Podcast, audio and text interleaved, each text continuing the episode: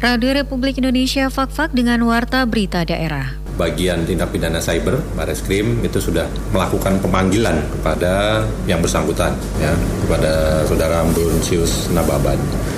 Mengutuk keras tindakan kebencian atau ujaran rasis Ambrosius Nababan kepada Saudara Natalis Pigai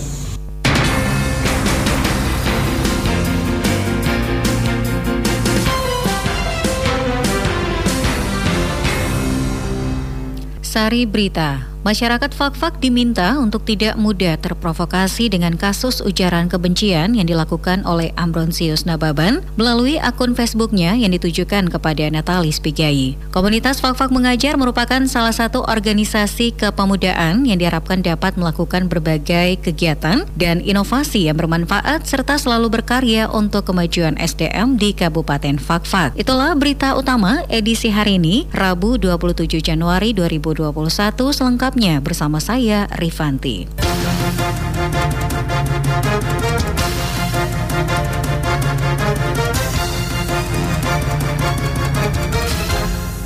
Masyarakat Fakfak diminta untuk tidak mudah terprovokasi dengan kasus ujaran kebencian yang dilakukan oleh Ambronsius Nababan melalui akun Facebooknya yang ditujukan kepada Natalis Pigai. Permasalahan tersebut kini tengah ditangani Bares Krim Polri di Jakarta serta telah dilakukan pemanggilan kepada oknum tersebut. Untuk lebih jelasnya terkait hal tersebut, berikut kita ikuti penjelasan Kapolres Fakfak AKBP Ongki Isgunawan. Jadi seperti kita ketahui, beberapa saat yang lalu memang ada salah satu masyarakat kita bilang oknum lah ya namanya pun juga kita tahu saudara Minister Nababan uh, yang memposting di akun Facebooknya tentang gambar dari Bapak Natalius Pigai. Berkaitan dengan itu, kita di sini menyebutnya ujaran kebencian. Ujaran kebencian itu bisa bermacam-macam jenisnya, ya, termasuk ya melibatkan mungkin suku, agama, ras dan sebagainya itu bisa atau mungkin perbuatan dan menyerahkan juga bisa. Kemudian juga di, di ujaran kebencian itu disampaikan melalui media sosial. Di sini uh, dari Polri dalam hal ini Mabes Polri, ya, Bareskrim, kemudian dari bagian tindak pidana cyber, Bareskrim itu sudah uh, melakukan pemanggilan ya, kepada yang bersangkutan ya kepada saudara Ambrosius Nababan. Uh, untuk uh, jelasnya mungkin ini masih dalam proses. Jadi intinya permasalahan ini sudah ditangani oleh kami Polri, terutama dari Mabes Polri, Bareskrim Mabes Polri.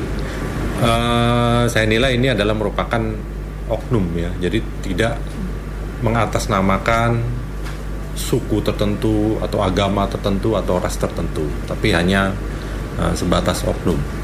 Ya, makanya saya menghimbau kepada masyarakat Kabupaten Fakfak jangan mudah terpancing, jangan mudah terprovokasi terhadap ajakan-ajakan yang disuarakan oleh segolongan orang ya yang mau memanfaatkan situasi ini ya kita pernah punya pengalaman yang tidak mengenakan di Kabupaten Fakfak ya. tahun 2019 lalu kita tahu kejadiannya seperti apa kemudian apa yang terjadi di Kabupaten Fakfak yang lebih banyak itu merugikan masyarakat. Ya daripada menguntungkan masyarakat. Ya oleh oleh dasar itu ya saya sebagai Kapolres Fakfak beserta dengan Forkopinda Pak Bupati kemudian Pak Dandim dan sebagainya yang menghimbau jangan mudah terprovokasi. Ya kalau ada hal-hal seperti itu atau yang atau ada orang-orang atau segelintir orang yang mengajak kita untuk melakukan perbuatan yang nantinya akan kita sesali silahkan laporkan ke kami ya silahkan laporkan ke pihak Polres Fakfak dalam hal ini kita akan tindak lanjuti permasalahan-permasalahan tersebut. Percayakan saja, serahkan saja semuanya secara prosedur hukum. Sekarang sudah zamannya transparansi. Nanti masyarakat juga bisa lihat bagaimana penanganannya dan saya yakin ini akan uh, ditindaklanjuti sesuai dengan prosedur hukum yang berlaku. Jadi saya minta di sini kita sebagai masyarakat praktek jadikan uh, pengalaman-pengalaman yang lalu itu menjadi pengalaman yang berharga Jangan sampai terulang lagi dengan hal yang sama yang nanti akan lebih disesali lagi. Ya ingat sekarang tugas kita dari semua lini dari atas sampai bawah adalah yang pertama menjaga keamanan dan ketetipan yang sudah kondusif ini yang saya nilai ya di Kabupaten Fakfak. Kemudian yang kedua, bagaimana caranya kita bisa membangun Kabupaten Fakfak ini biar bisa lebih maju dari sebelum-sebelumnya. Biar kita juga bisa bersaing dengan kabupaten-kabupaten lain di, di Papua Barat. Bahkan kalau bisa bersaing dengan kabupaten-kabupaten lain di provinsi-provinsi yang lain. Ya tunjukkan bahwa kita bukan masyarakat yang mudah diadu domba. Ya, kita berikan contoh-contoh itu agar bisa dilihat oleh saudara-saudara kita yang lain.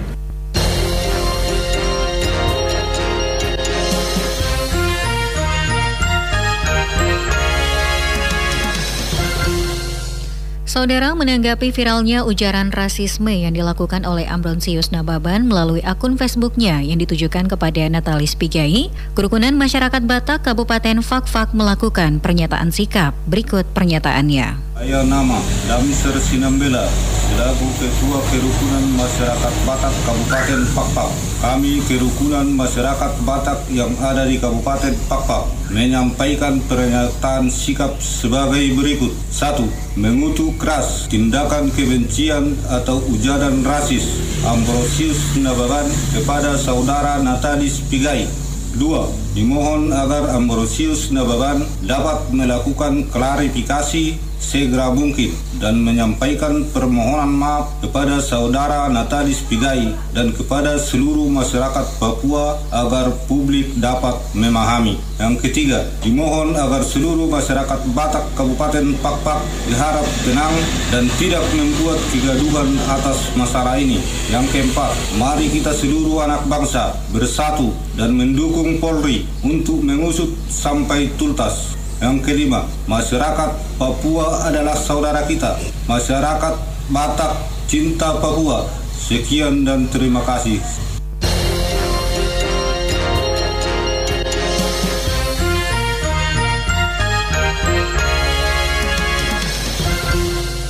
Kementerian Hukum dan HAM RI telah menerbitkan peraturan menteri tentang syarat dan tata cara pemberian asimilasi, pembebasan bersyarat, cuti menjelang bebas, serta cuti bersyarat bagi narapidana dan anak dalam rangka pencegahan dan penanggulangan penyebaran COVID-19. Berikut laporan selengkapnya. Pembinaan bagi narapidana di lembaga pemasyarakatan tidak terlepas dari sebuah dinamika yang bertujuan memberikan bekal bagi narapidana dalam menyongsong kehidupan baru setelah menjalani masa hukuman. Hal ini sesuai visi visi misi pemasyarakatan untuk menyiapkan para narapidana kembali ke lingkungannya. Di masa pandemi COVID-19, Kementerian Hukum dan Hak Asasi Manusia menerbitkan Peraturan Menteri Hukum dan Hak Asasi Manusia tentang syarat dan tata cara pemberian asimilasi, pembebasan bersyarat, cuti menjelang bebas, dan cuti bersyarat bagi narapidana dan anak dalam rangka pencegahan dan penanggulangan penyebaran COVID-19. Sehubungan hal tersebut, Lembaga Pemasyarakatan FAKFAK menerapkan sistem pembinaan terpadu Kepala Seksi Pembinaan pada Lembaga Pemasyarakatan Fakfak Asdi Fahmi mengatakan sistem ini diharapkan mampu merubah perilaku para narapidana untuk tidak mengulangi tindak pidana yang pernah dilakukannya atau perbuatan melanggar hukum.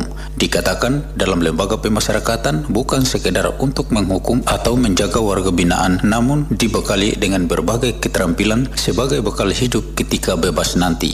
Sesuai peraturan menteri kita melakukan di dalam untuk mencegah hal-hal yang terjadi di selama pandemi COVID ini.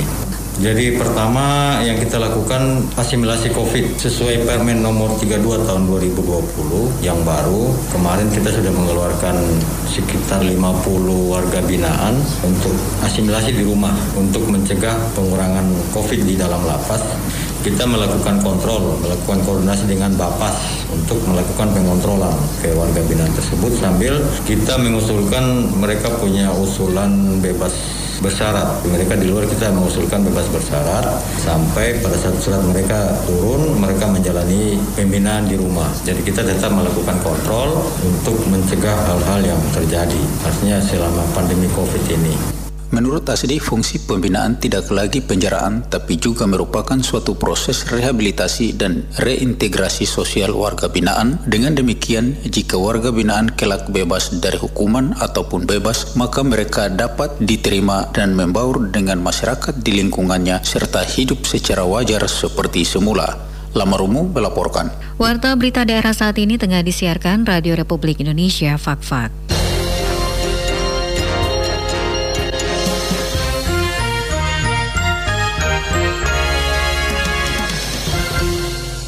Saudara, cuaca ekstrim yang melanda beberapa wilayah di tanah air sangat berpengaruh terhadap alam dan aktivitas manusia. Lalu seperti apa cuaca di Kabupaten Fakfak? Berikut dijelaskan Kepala BMKG Fakfak Yehuda Ramandei. Untuk cuaca Fakfak itu dikatakan ekstrim juga belum karena eh, ekstrim itu ada kriterianya sendiri ya. Kalau meteorologi kriteria di hidrometeorologinya itu nyangkut dengan curah hujan, air yang pengaruhi eh, terjadi bencana seperti tanah longsor. Ya, jadi curah hujan dalam sehari itu 100 sampai 150 mm. Nah, itu baru bisa dikatakan ekstrim. Kalau proses cuacanya sendiri memang ada pergerakan angin, awan atau uh, tekanan udara dinamis di lapisan atmosfer kita termasuk yang di Kabupaten Papak ini kan ada beberapa macam karakteristik. Jadi kita lihat dari segi ekstrim pun belum bisa dikategorikan ekstrim. Ini masih proses pancaroba dari musim panas ke hujan ini masih normal. Untuk cuaca di Kabupaten Fakfak ini kan ada 17 distrik yang kita amati. Terus kita berikan perakhiran cuaca harian. Bisa kita lihat di kita punya situs. Nanti kita kerjasama dengan RI pun kita memberikan informasi perakhiran cuaca kita 17 distrik. Ke depan ini masih proses cuaca yang seperti ini ini masih dinamis sih agak cukup panjang 2 3 hari ke depan masih tetap karena keadaan atmosfer kita pun masih, masih tetap seperti itu dipengaruhi dengan suhu udaranya, kelembapan udaranya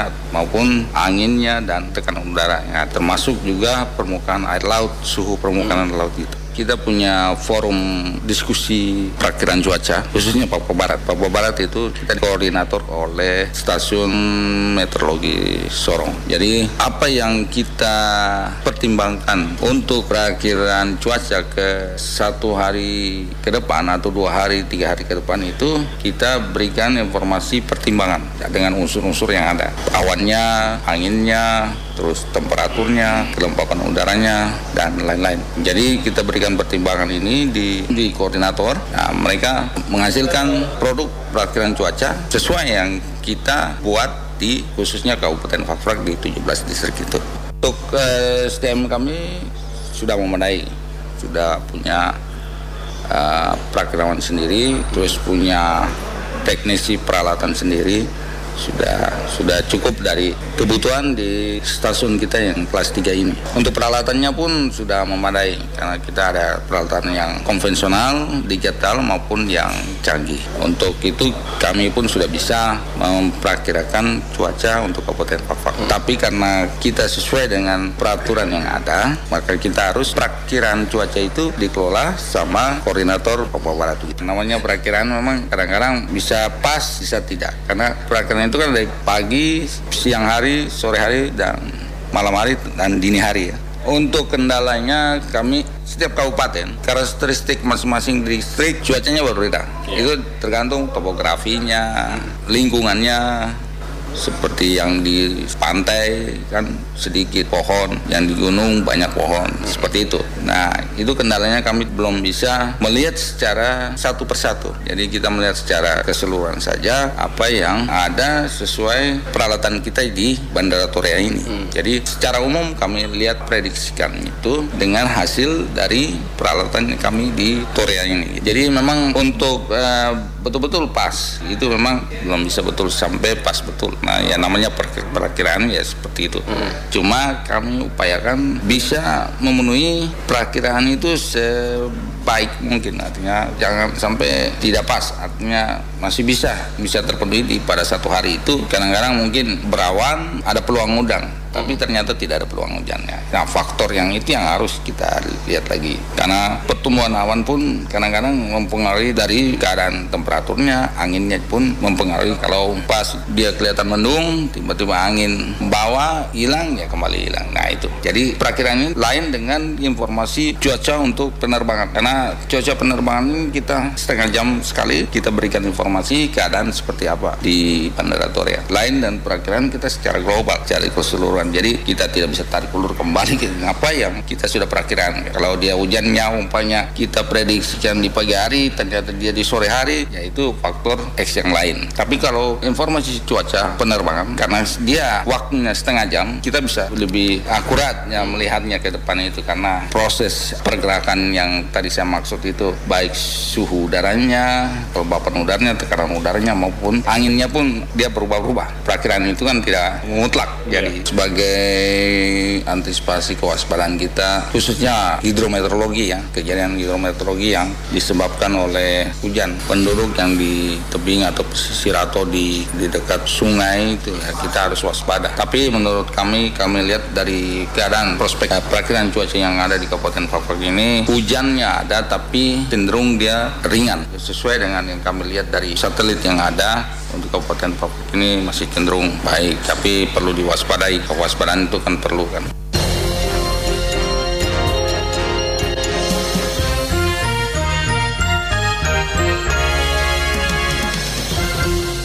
Komunitas Fakfak Mengajar merupakan salah satu organisasi kepemudaan yang diharapkan dapat melakukan berbagai kegiatan dan inovasi yang bermanfaat serta selalu berkarya untuk kemajuan SDM di Kabupaten Fakfak. Memasuki usianya yang ke-6 tahun, komunitas Fakfak Mengajar terus eksis dalam membinangi semua kegiatan pembangunan khususnya di bidang pendidikan. Ketua Komunitas Fak-Fak Mengajar Immanuel David Hindo menjelaskan, keberadaan Fak-Fak Mengajar tentunya diawali dengan semangat pemuda Kabupaten Fak-Fak untuk berkontribusi dalam suatu wadah pergerakan khususnya di bidang pendidikan. Dikatakan selama terbentuknya komunitas fak-fak mengajar, hal-hal yang dilakukan oleh komunitas tersebut adalah melakukan pelatihan, meningkatkan skill atau kemampuan, serta menanamkan rasa percaya diri kepada seluruh peserta didik. Selain itu, fak-fak mengajar juga telah berkontribusi dalam membantu penulisan karya ilmiah, skill dalam literasi atau membaca, dan memperkenalkan pendidikan lingkungan hidup masyarakat Safa yang boleh mendukung, mensupport kami. Untuk Safa Mengajar yang saat ini boleh berusia 6 tahun. Keberadaan Safa Mengajar ini tentunya diawali dari semangat para pemuda Kabupaten Safa sendiri yang mana mereka eh, rindu untuk bagaimana berkontribusi bagi daerahnya dalam sebuah wadah pergerakan khususnya di bidang pendidikan. Jadi tepatnya di 25 Januari 2015 tahun yang lalu Safa Mengajar boleh dibentuk. Apa saja yang dikerjakannya tentunya di sini bagaimana kita melihat melihat bahwa pelatihan skill, kemampuan atau bagaimana menanamkan rasa percaya diri bagi adik-adik kita khususnya di Kabupaten Papua mulai dari tingkat sekolah dasar, SMP, SMA dan juga di sini kita melihat bahwa peluang-peluang bagaimana kita dapat membantu dalam hal penulisan karya ilmiah, kemudian skill literasi, membaca, kemudian bagaimana kita memotivasi, perkenalkan terkait pendidikan lingkungan hidup, konservasi pun uh, itu yang kami lakukan selama ini. Menurut Immanuel David Hindom, jumlah anggota Fafak mengajar yang saat ini masih aktif sebanyak kurang lebih 20 orang.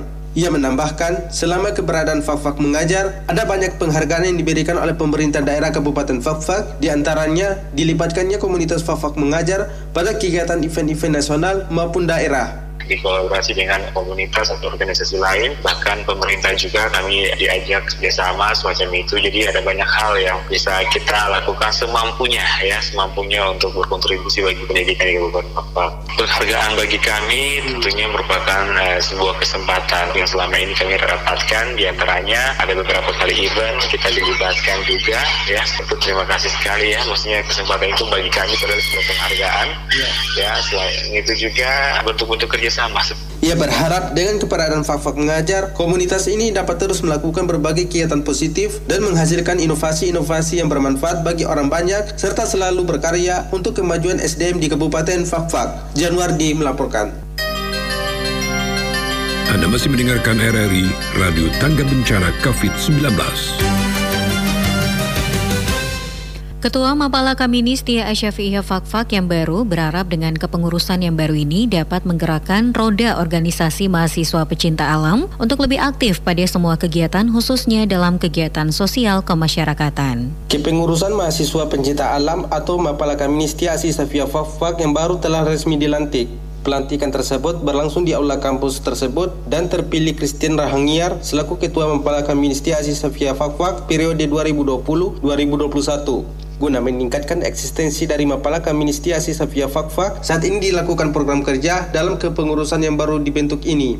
Ketua Mapala Kamini Setia Aziz Safia Fakfa Christian Rahangiar mengatakan untuk mengawali program kerja dari Mapala Kamini Setia Aziz Safia Fakfa ke depan pihaknya akan meningkatkan sumber daya manusia serta memberikan ruang pada organisasi ini untuk lebih aktif pada semua kegiatan. Selain itu, pihaknya juga akan menyukseskan pelaksanaan DP 4 Mapala tingkat Provinsi Papua Barat yang akan berlangsung pada bulan Juli di Kabupaten Fakfak sebagai ketua ini yang ingin saya jalankan itu cuman memenuhi sumber daya manusia. Terus ingin membuat mapala kami ini lebih eksis lagi ke depannya. Saya siap untuk menyukseskan TPA 4 di Papua Barat di Kabupaten Fakfak dilakukan seperti rifling, terus susur goa, terus tubing dengan kita rimba gunung Kegiatan tersebut akan dilaksanakan pada bulan Juni Juli. Juni Juli. Itu pas kelahiran Mapala kami ini kita lakukan di situ. Ia menambahkan tujuan dibentuknya organisasi mahasiswa pencinta alam atau Mapala Kamini pada kampus Tia Asisafia Fakfa adalah agar para mahasiswa lebih mengenal dan mencintai alam yang merupakan bagian dari sendi-sendi kehidupan serta membantu kelangsungan hidup manusia. Tujuannya untuk itu supaya masyarakat Papua itu bisa sadar akan lingkungan yang berserah di jalan-jalan. Setiap kali kita memberi, membuat kegiatan bakso seperti sosial, memilih sampah agar masyarakat melihat supaya jangan membuang sampah sembarang lagi. Ia berharap dengan terbentuknya kepengurusan mahasiswa pecinta alam Mapala Kaministi Aziz Safia Fakfak yang baru dapat menghasilkan mahasiswa dan mahasiswi yang tangguh, handal, inovatif, kreatif untuk mampu mencintai alam dan melestarikan lingkungan sekitar. Januardi melaporkan. Sekian Warta Berita Daerah Produksi Radio Republik Indonesia Fakfak.